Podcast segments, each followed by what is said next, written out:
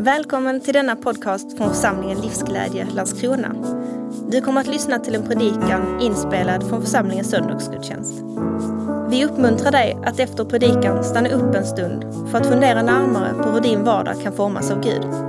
Du kan få hjälp av frågor till eftertanke som du hittar på församlingens hemsida under fliken predikan. Så välkommen att ta del av vår gudstjänst.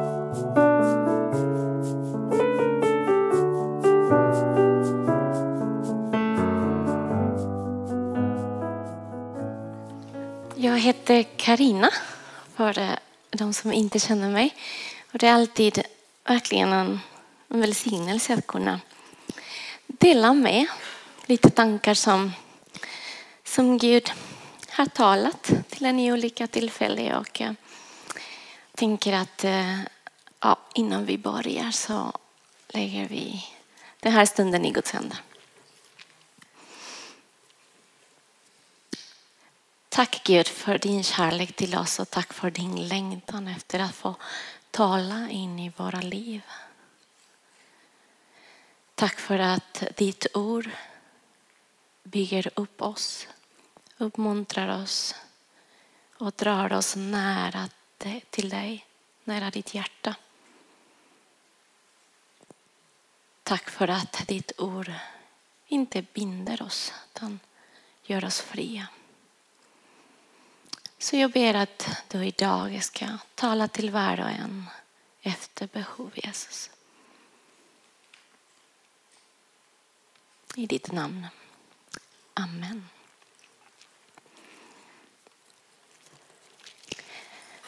För mig eh, är eh, dagens text som Olof läste innan Matteus evangeliet i ett nötskal. Matteus evangeliets röda tråd är Jesus identitet och Guds folk. Och just i detta avsnitt i Matteus 16 lyfter författaren just Jesus som Messias och Guds församling på ett fantastiskt sätt genom att spetsa dess innebörd. Tidsmässigt är berättelsen i texten inne i den tredje och sista året av Jesus verksamma tid på jorden. Under två år har Jesus undervisat i olika städer i Israel. Han har valt tolv lärjungar som levt tillsammans med honom dessa år. Lärjungarna har hört honom undervisa om vad som ska prägla människor som utgör Guds rike. De har också sett honom lägga sina händer på sjuka och helat dem. Väckt döda till liv och göra många andra under. Och lärjungarna har också sett honom hamna i konflikt med de judiska lärarna. Då Jesus lyft kritik mot eh, dem eh, och menat att deras undervisning band folket till traditioner och gjorde att man missade det mest väsentliga som är Guds hjärta för människor. Och konflikten eskalerat under den här tiden. Efter textavsnittet som Olof läste eh, börjar Jesus berätta att han kommer att dö för att sen uppstå. Så efter, det är på något sätt att just i den här texten så sker en förändring i riktningen. Berättelsen kommer framöver att röra sig mot korset i Jerusalem. Geografiskt befinner sig Jesus och lärjungarna i ett område som hette på den tiden Caesarea Filippi. Jag har någon liten bild där med var den är någonstans. Det är ett område i norra Israel. Ett frodigt, grönskande område som vattnas av ett av eh, Jordans främsta tillflöden. Ett område riktigt jordbruk med massa vackra vattenkällor. Men denna plats skiljer sig från många av de andra områden som Jesus vistas på. Då det är ett hedniskt område som är präglad och känd för offerkult till olika grekiska och romerska gudar. Och avgudadyrkan i den här platsen kunde innefatta offerdjur offer där människor vanhedrade sina kroppar på olika sätt och också rent människooffer. Och just grottan som vi kan se på bilden där var känd som dödsrikets portar. Eller Hades portar. En port till underjorden. Det låter som en märklig plats, eller hur? En plats där mörkret blir så påtagligt. Men det är inte en eh, oviktig detalj eller en tillfällighet att Jesus väljer att besöka just denna plats tillsammans med sina lärjungarna och ha det här samtalet som står i fokus i dagens text. Ha med, med dessa tankar eh, när vi går igenom texten bit för bit. Och nu läser jag från vers 13. Då Jesus kom till trakten av Caesarea Filippi frågade han sina lärjungar. Vem säger folket att människosonen är? De svarade. Somliga säger Johannes dopparen, andra Elia och andra Jeremia eller någon av profeterna. Här lyfter Matteus frågan om Jesus identitet. Vem säger folket att jag är? Och jag tycker det är mycket intressant att texten nämner just dessa personer som är svar på frågan. Johannes döparen som något år innan blivit mördad av kung Herodes kan man säga han ansågs vara en lärare som predikade om syndarnas förlåtelse och omvändelse.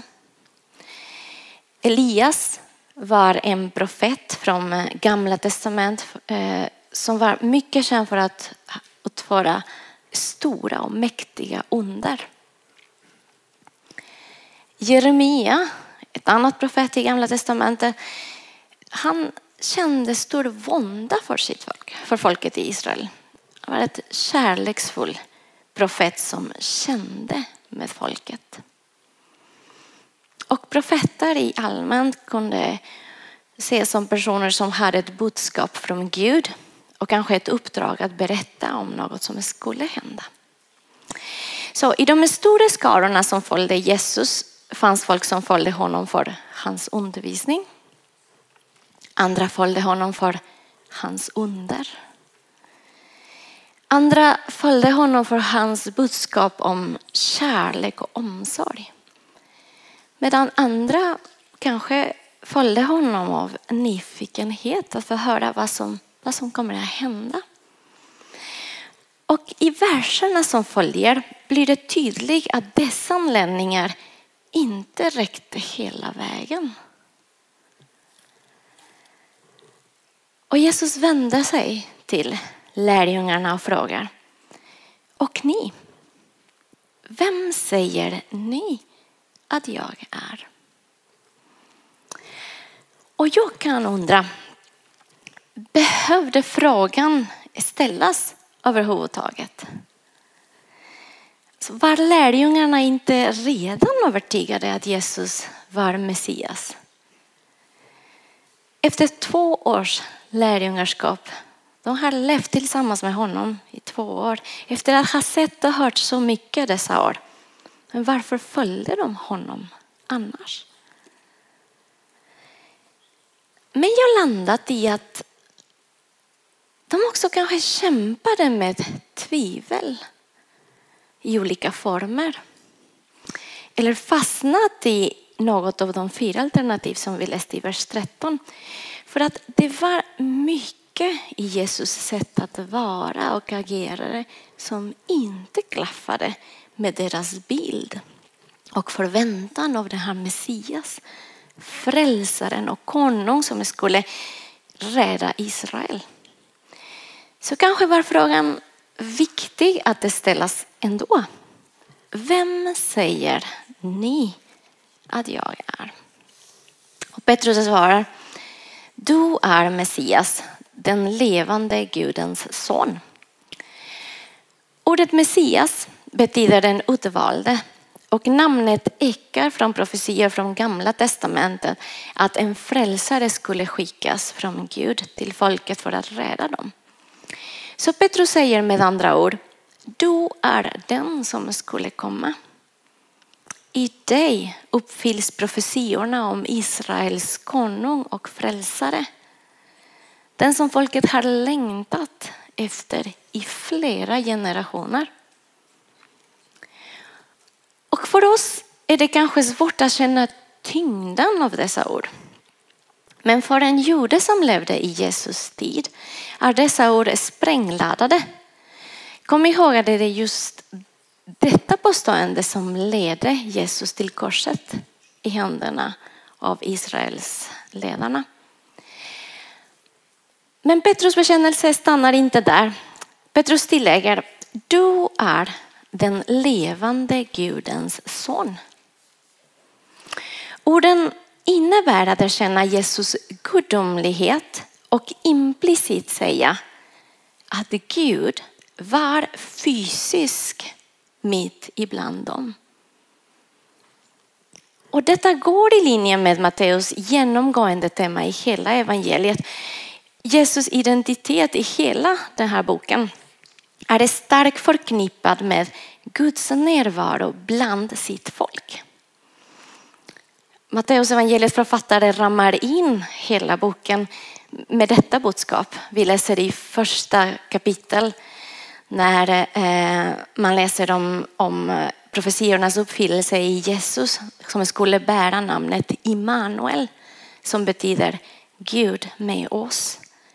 Och på allra sista versen i hela, hela boken så läser vi om Jesus sista ord innan han blev lyft till himlen.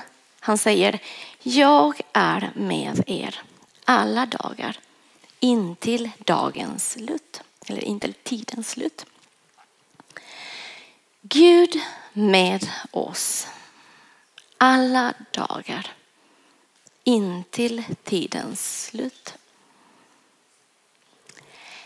Att Jesus är Gud och finns mitt ibland folket var kraftig och revolutionerade för den jude i Jesus tid och också för de första mottagarna av Matteus evangeliet som troligtvis var kristna med judisk bakgrund.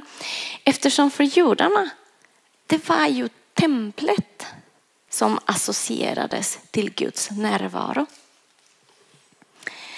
Så innebörden av Petrus bekännelse överför på något sätt Guds närvaro från en plats till en grupp människor.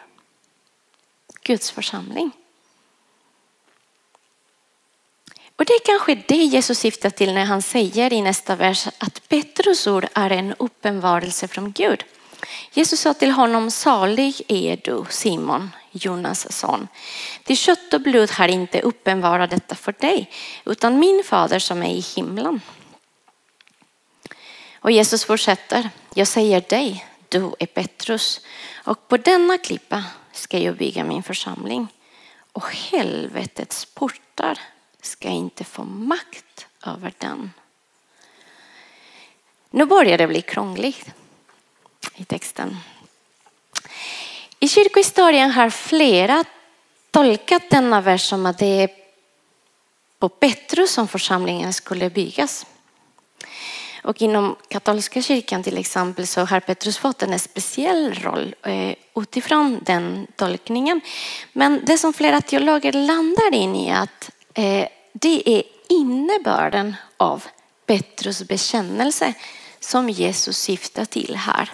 Det vill säga i Jesus är Guds närvaro bland sitt folk. Denna bekännelse är grunden till församlingen. Och så kommer vi till kanske det mest konstiga i hela texten. Helvetets portar. Vi ska komma ihåg var, var Jesus och lärjungarna befinner sig när dessa ord sägs. Som vi såg i början, Caesarea Filippi var en plats känd för avgudadyrkan där människors kroppar vanhedrades och människors liv förstördes.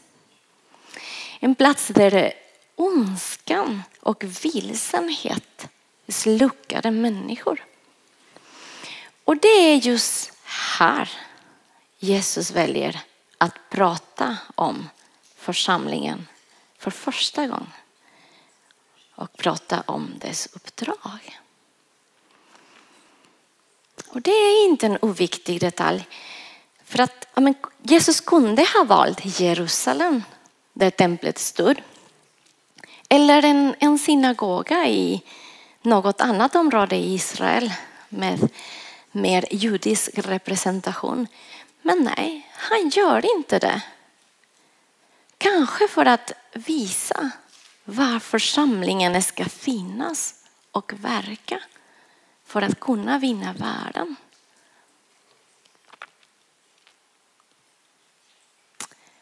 Jag ska ge dig himmelrikets nycklar och nu syftar han till församlingen. Allt vad du vinner på jorden ska vara bundet i himlen och allt vad du löser på jorden ska vara löst i himlen. Vilken makt har församlingen fått? Inte självförtjänt utan skänkt av Gud av nåd tack vare vem Jesus är. Gud mitt ibland oss. Och det här är svårt att smälta. Jag undrar om lärjungarna fattade vad Jesus menade med dessa ord. Eller om de stod där som stora frågetecken. Säkert. Det, det hade varit min reaktion om jag varit där. Va, vad menar han egentligen? Men vad vill texten i Matteus 16 säga till oss? Vad, betyder detta för oss här och nu? För att visst kan det kännas lite abstrakt alla dessa begrepp om Jesus identitet, Messias, Guds son, att binda och lösa saker i himmel och jord. Ja, för mig är denna text en av de lite svårare att förstå i evangelierna. Men texten utmanar mig på olika sätt ändå. Och en av sakerna jag reflekterat över är hur jag med mitt liv svarar på just Jesus frågan. Vem säger du att jag är? För att jag kan identifiera mig med människoskarorna och se Jesus som en källa till vishet, en källa till kärlek, en källa till mirakel och uppenbarelse från himlen. Och allt detta är sant. Jesus är källan till allt detta och mycket mer. Men texten påminner mig att Gud vill vara mycket mer för mig än bara en källa. Jesus vill vara min frälsare. Guds son med mig alla dagar. Inte bara två timmar en dag i veckan på söndagar. Vad betyder det då för mig rent praktiskt? Att vara bärare av Guds närvaro in i vardagen. Har det konsekvenser i sättet hur jag lever mitt liv i relation till andra? Eller inte?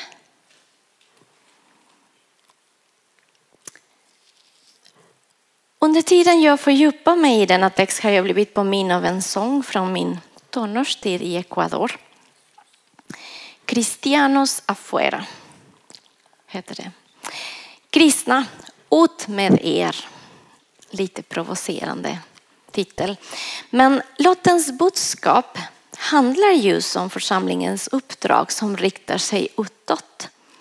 För det är där ute där vi behövs som bärare av Guds närvaro och frid till det som är brustet och trasigt. Hur gör jag det?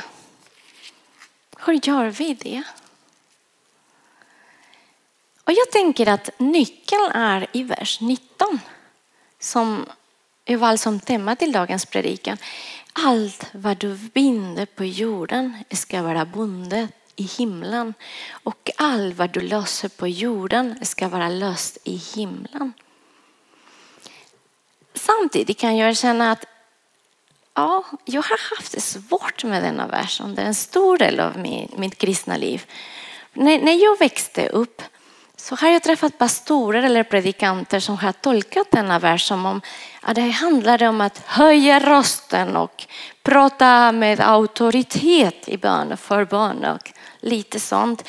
Jag har sett och hört flera av, av dem med stått där och skrikit och befallt undandar till höger och vänster och till och med beordrat den helige ande att göra saker som om han hade varit deras springpojke. Och jag är mycket tveksam till att det är så här vi ska förstå texten. Att vi ska gå runt och skrika som Tarzan. Men genom livet har jag haft det svårt att förstå, okay, men vad betyder detta då rent konkret? Och nu i höstas när jag vände mig till Gud med denna frågan och med min längtan att tyda Guds vilja i mitt liv i relation till detta kom Guds svar till mig i form av berättelsen, en verklig berättelse om en kvinna vid namn Vanlappa. Och denna berättelsen vill jag dela med er idag. Vanlappa var en kvinna som blev mött av Gud när hon var cancersjuk. Innan hade hon varit medium och varit inblandad i spiritismen. Men Gud mötte henne och gjorde ett under och räddade henne från cancer och från hennes mörka förflutna. Hon var med i en församling i staden Phuket i Thailand hennes pastor hade köpt en glassvagn till henne som hon kunde använda för att försörja sig själv och försörja sin familj. Och en dag hörde Vanlappa budskapet om att välsignelse löser förbannelsens band. Och övertygad om att Gud gav henne ett uppdrag bestämde hon sig för att be för varje glasspinne hon sålde. Jag vet inte hur hon gjorde den praktiskt, alltså hon ställde dem där i rad och bad dem. Jag vet inte hur hon gjorde. Men hon bad för varje glasspinne som hon skulle gå ut och sälja varje dag. Hon bad för de personerna som skulle köpa dem, som skulle äta dem. För att Guds frid skulle nå de människorna. Det som hände var att hon fick fler kunder. Folk frågade henne om hon hade bytt glassleverantör för att glassarna smakade ljuvligt. De var mycket godare än förr. Och hon hade möjlighet att bygga upp relationer med sina kunder och ibland köade de för att få köpa lite glass och prata med Vanlappa. Och flera av dem delade eh, med henne av deras livsberättelse och deras livskamp. Och hon kunde be för dem i det som var deras behov som de delade med sig till henne. Och flera av dem kom till tro. Men det slutar inte där. Varje dag på väg till det stadsområde hon sålde glass passerade Van Lappa borgmästares hus. Borgmästaren i denna stad hade rykte att vara stadens mest korrupta politiker. Men Vanlappa applicerade det hon fått höra att göra från Gud. Det hon skulle göra från Gud. Och det var att välsigna för att välsignelse löser förbannelsens band. Och hon bad varje dag för denna man, för Guds varma hand över honom och för möjlighet att få dela av Guds frid med honom. Och en dag hände det. När Vanlappa passerade förbi råkar vår mästare vara utanför sitt hus på väg någonstans en varm dag i Thailand. Perfekt för att köpa glass. Och Vanlappa säljer en glasspinne till honom och han reagerar som alla andra av van Lappas kunder och berömmer hennes glass och de börjar prata och de blir vänner. Och vid tillfälle bjuder van Lappa denna mannen att delta på gudstjänsten i sin hemförsamling. För att göra en lång historia kort. Stadens mest korrupta politiker dyker upp på gudstjänsten hos van Lappas församling en söndag. För van Lappas glädje och för församlingens stora förvåning. Och Gud möter honom på ett fantastiskt sätt. Och i hans resa med Gud förvandlar Gud honom. Han på samma sätt som van Lappa, börjar leva livet som bärare av Guds närvaro i vardagen. Några år senare kommer borgmästaren att få ett hederspris för sin kamp mot korruption inom stadens departement och för hans arbete för att bygga upp de mest utsatta områden som hade drabbats av tsunami 2004 och som hade svårt att resa sig upp efter katastrofen. Skattepengarna räckte till mycket mer nu när inga överpriser betalades. Och alla fonder administrerades väl. Borgmästarens arbete förändrade inte hela världen. Men flera människors liv, flera människors värld blev välsignade av hans livsförändring. Och allt började med Vanlappa och hennes glassvagn.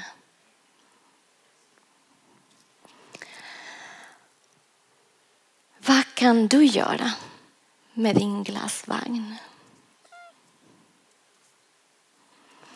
där du är. Som bärare av Guds närvaro. Mitt i en värld som slukar människors hopp och glädje. Har du människor i din omgivning som slukas av oro, stress, våld, hopplöshet? Vad manar dig Gud att göra? i relation till det. Bön är ett mäktigt redskap. I Jesus har du och jag makt att lösa upp förbannelsens band hos människor. Att bringa Guds frid åt människor och vara bärare av Guds närvaro. Var är ditt och mitt ett svar till Guds inbjudan att vara med och förändra människors liv? Vi ber.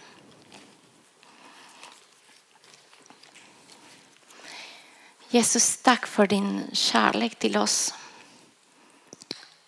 För att din kärlek har nått våra liv och vi är här och kan få uppleva din närvaro. Tack för att du vill vara med oss alla dagar in till tidens slut. Jag ber Jesus att i din nåd du påminner oss om detta varje dag. Att vi är bärare av din närvaro. Att vi är bärare av frid in i människors liv. Jesus, jag ber att du verkar i oss i vilja och handling så att våra hjärtan synkroniseras med ditt. Hjälp oss att gripa in där det behövs. Hjälp oss också att vända oss i bön och vädjan för människors liv och kamp. Tack för att vi får vara, det är möjlighet för oss att kunna vara en del av det du gör i den här världen. Så fortsätter vi och ber för de här stora ingripande som behövs i denna värld, Jesus. Som håller på att gå sönder. Tack för att du är mäktig och kan göra de här stora under. Och tack också för att du är mäktig och kan också använda oss i det lilla för att kunna bidra till ditt rike Jesus. I ditt namn ber vi. Amen.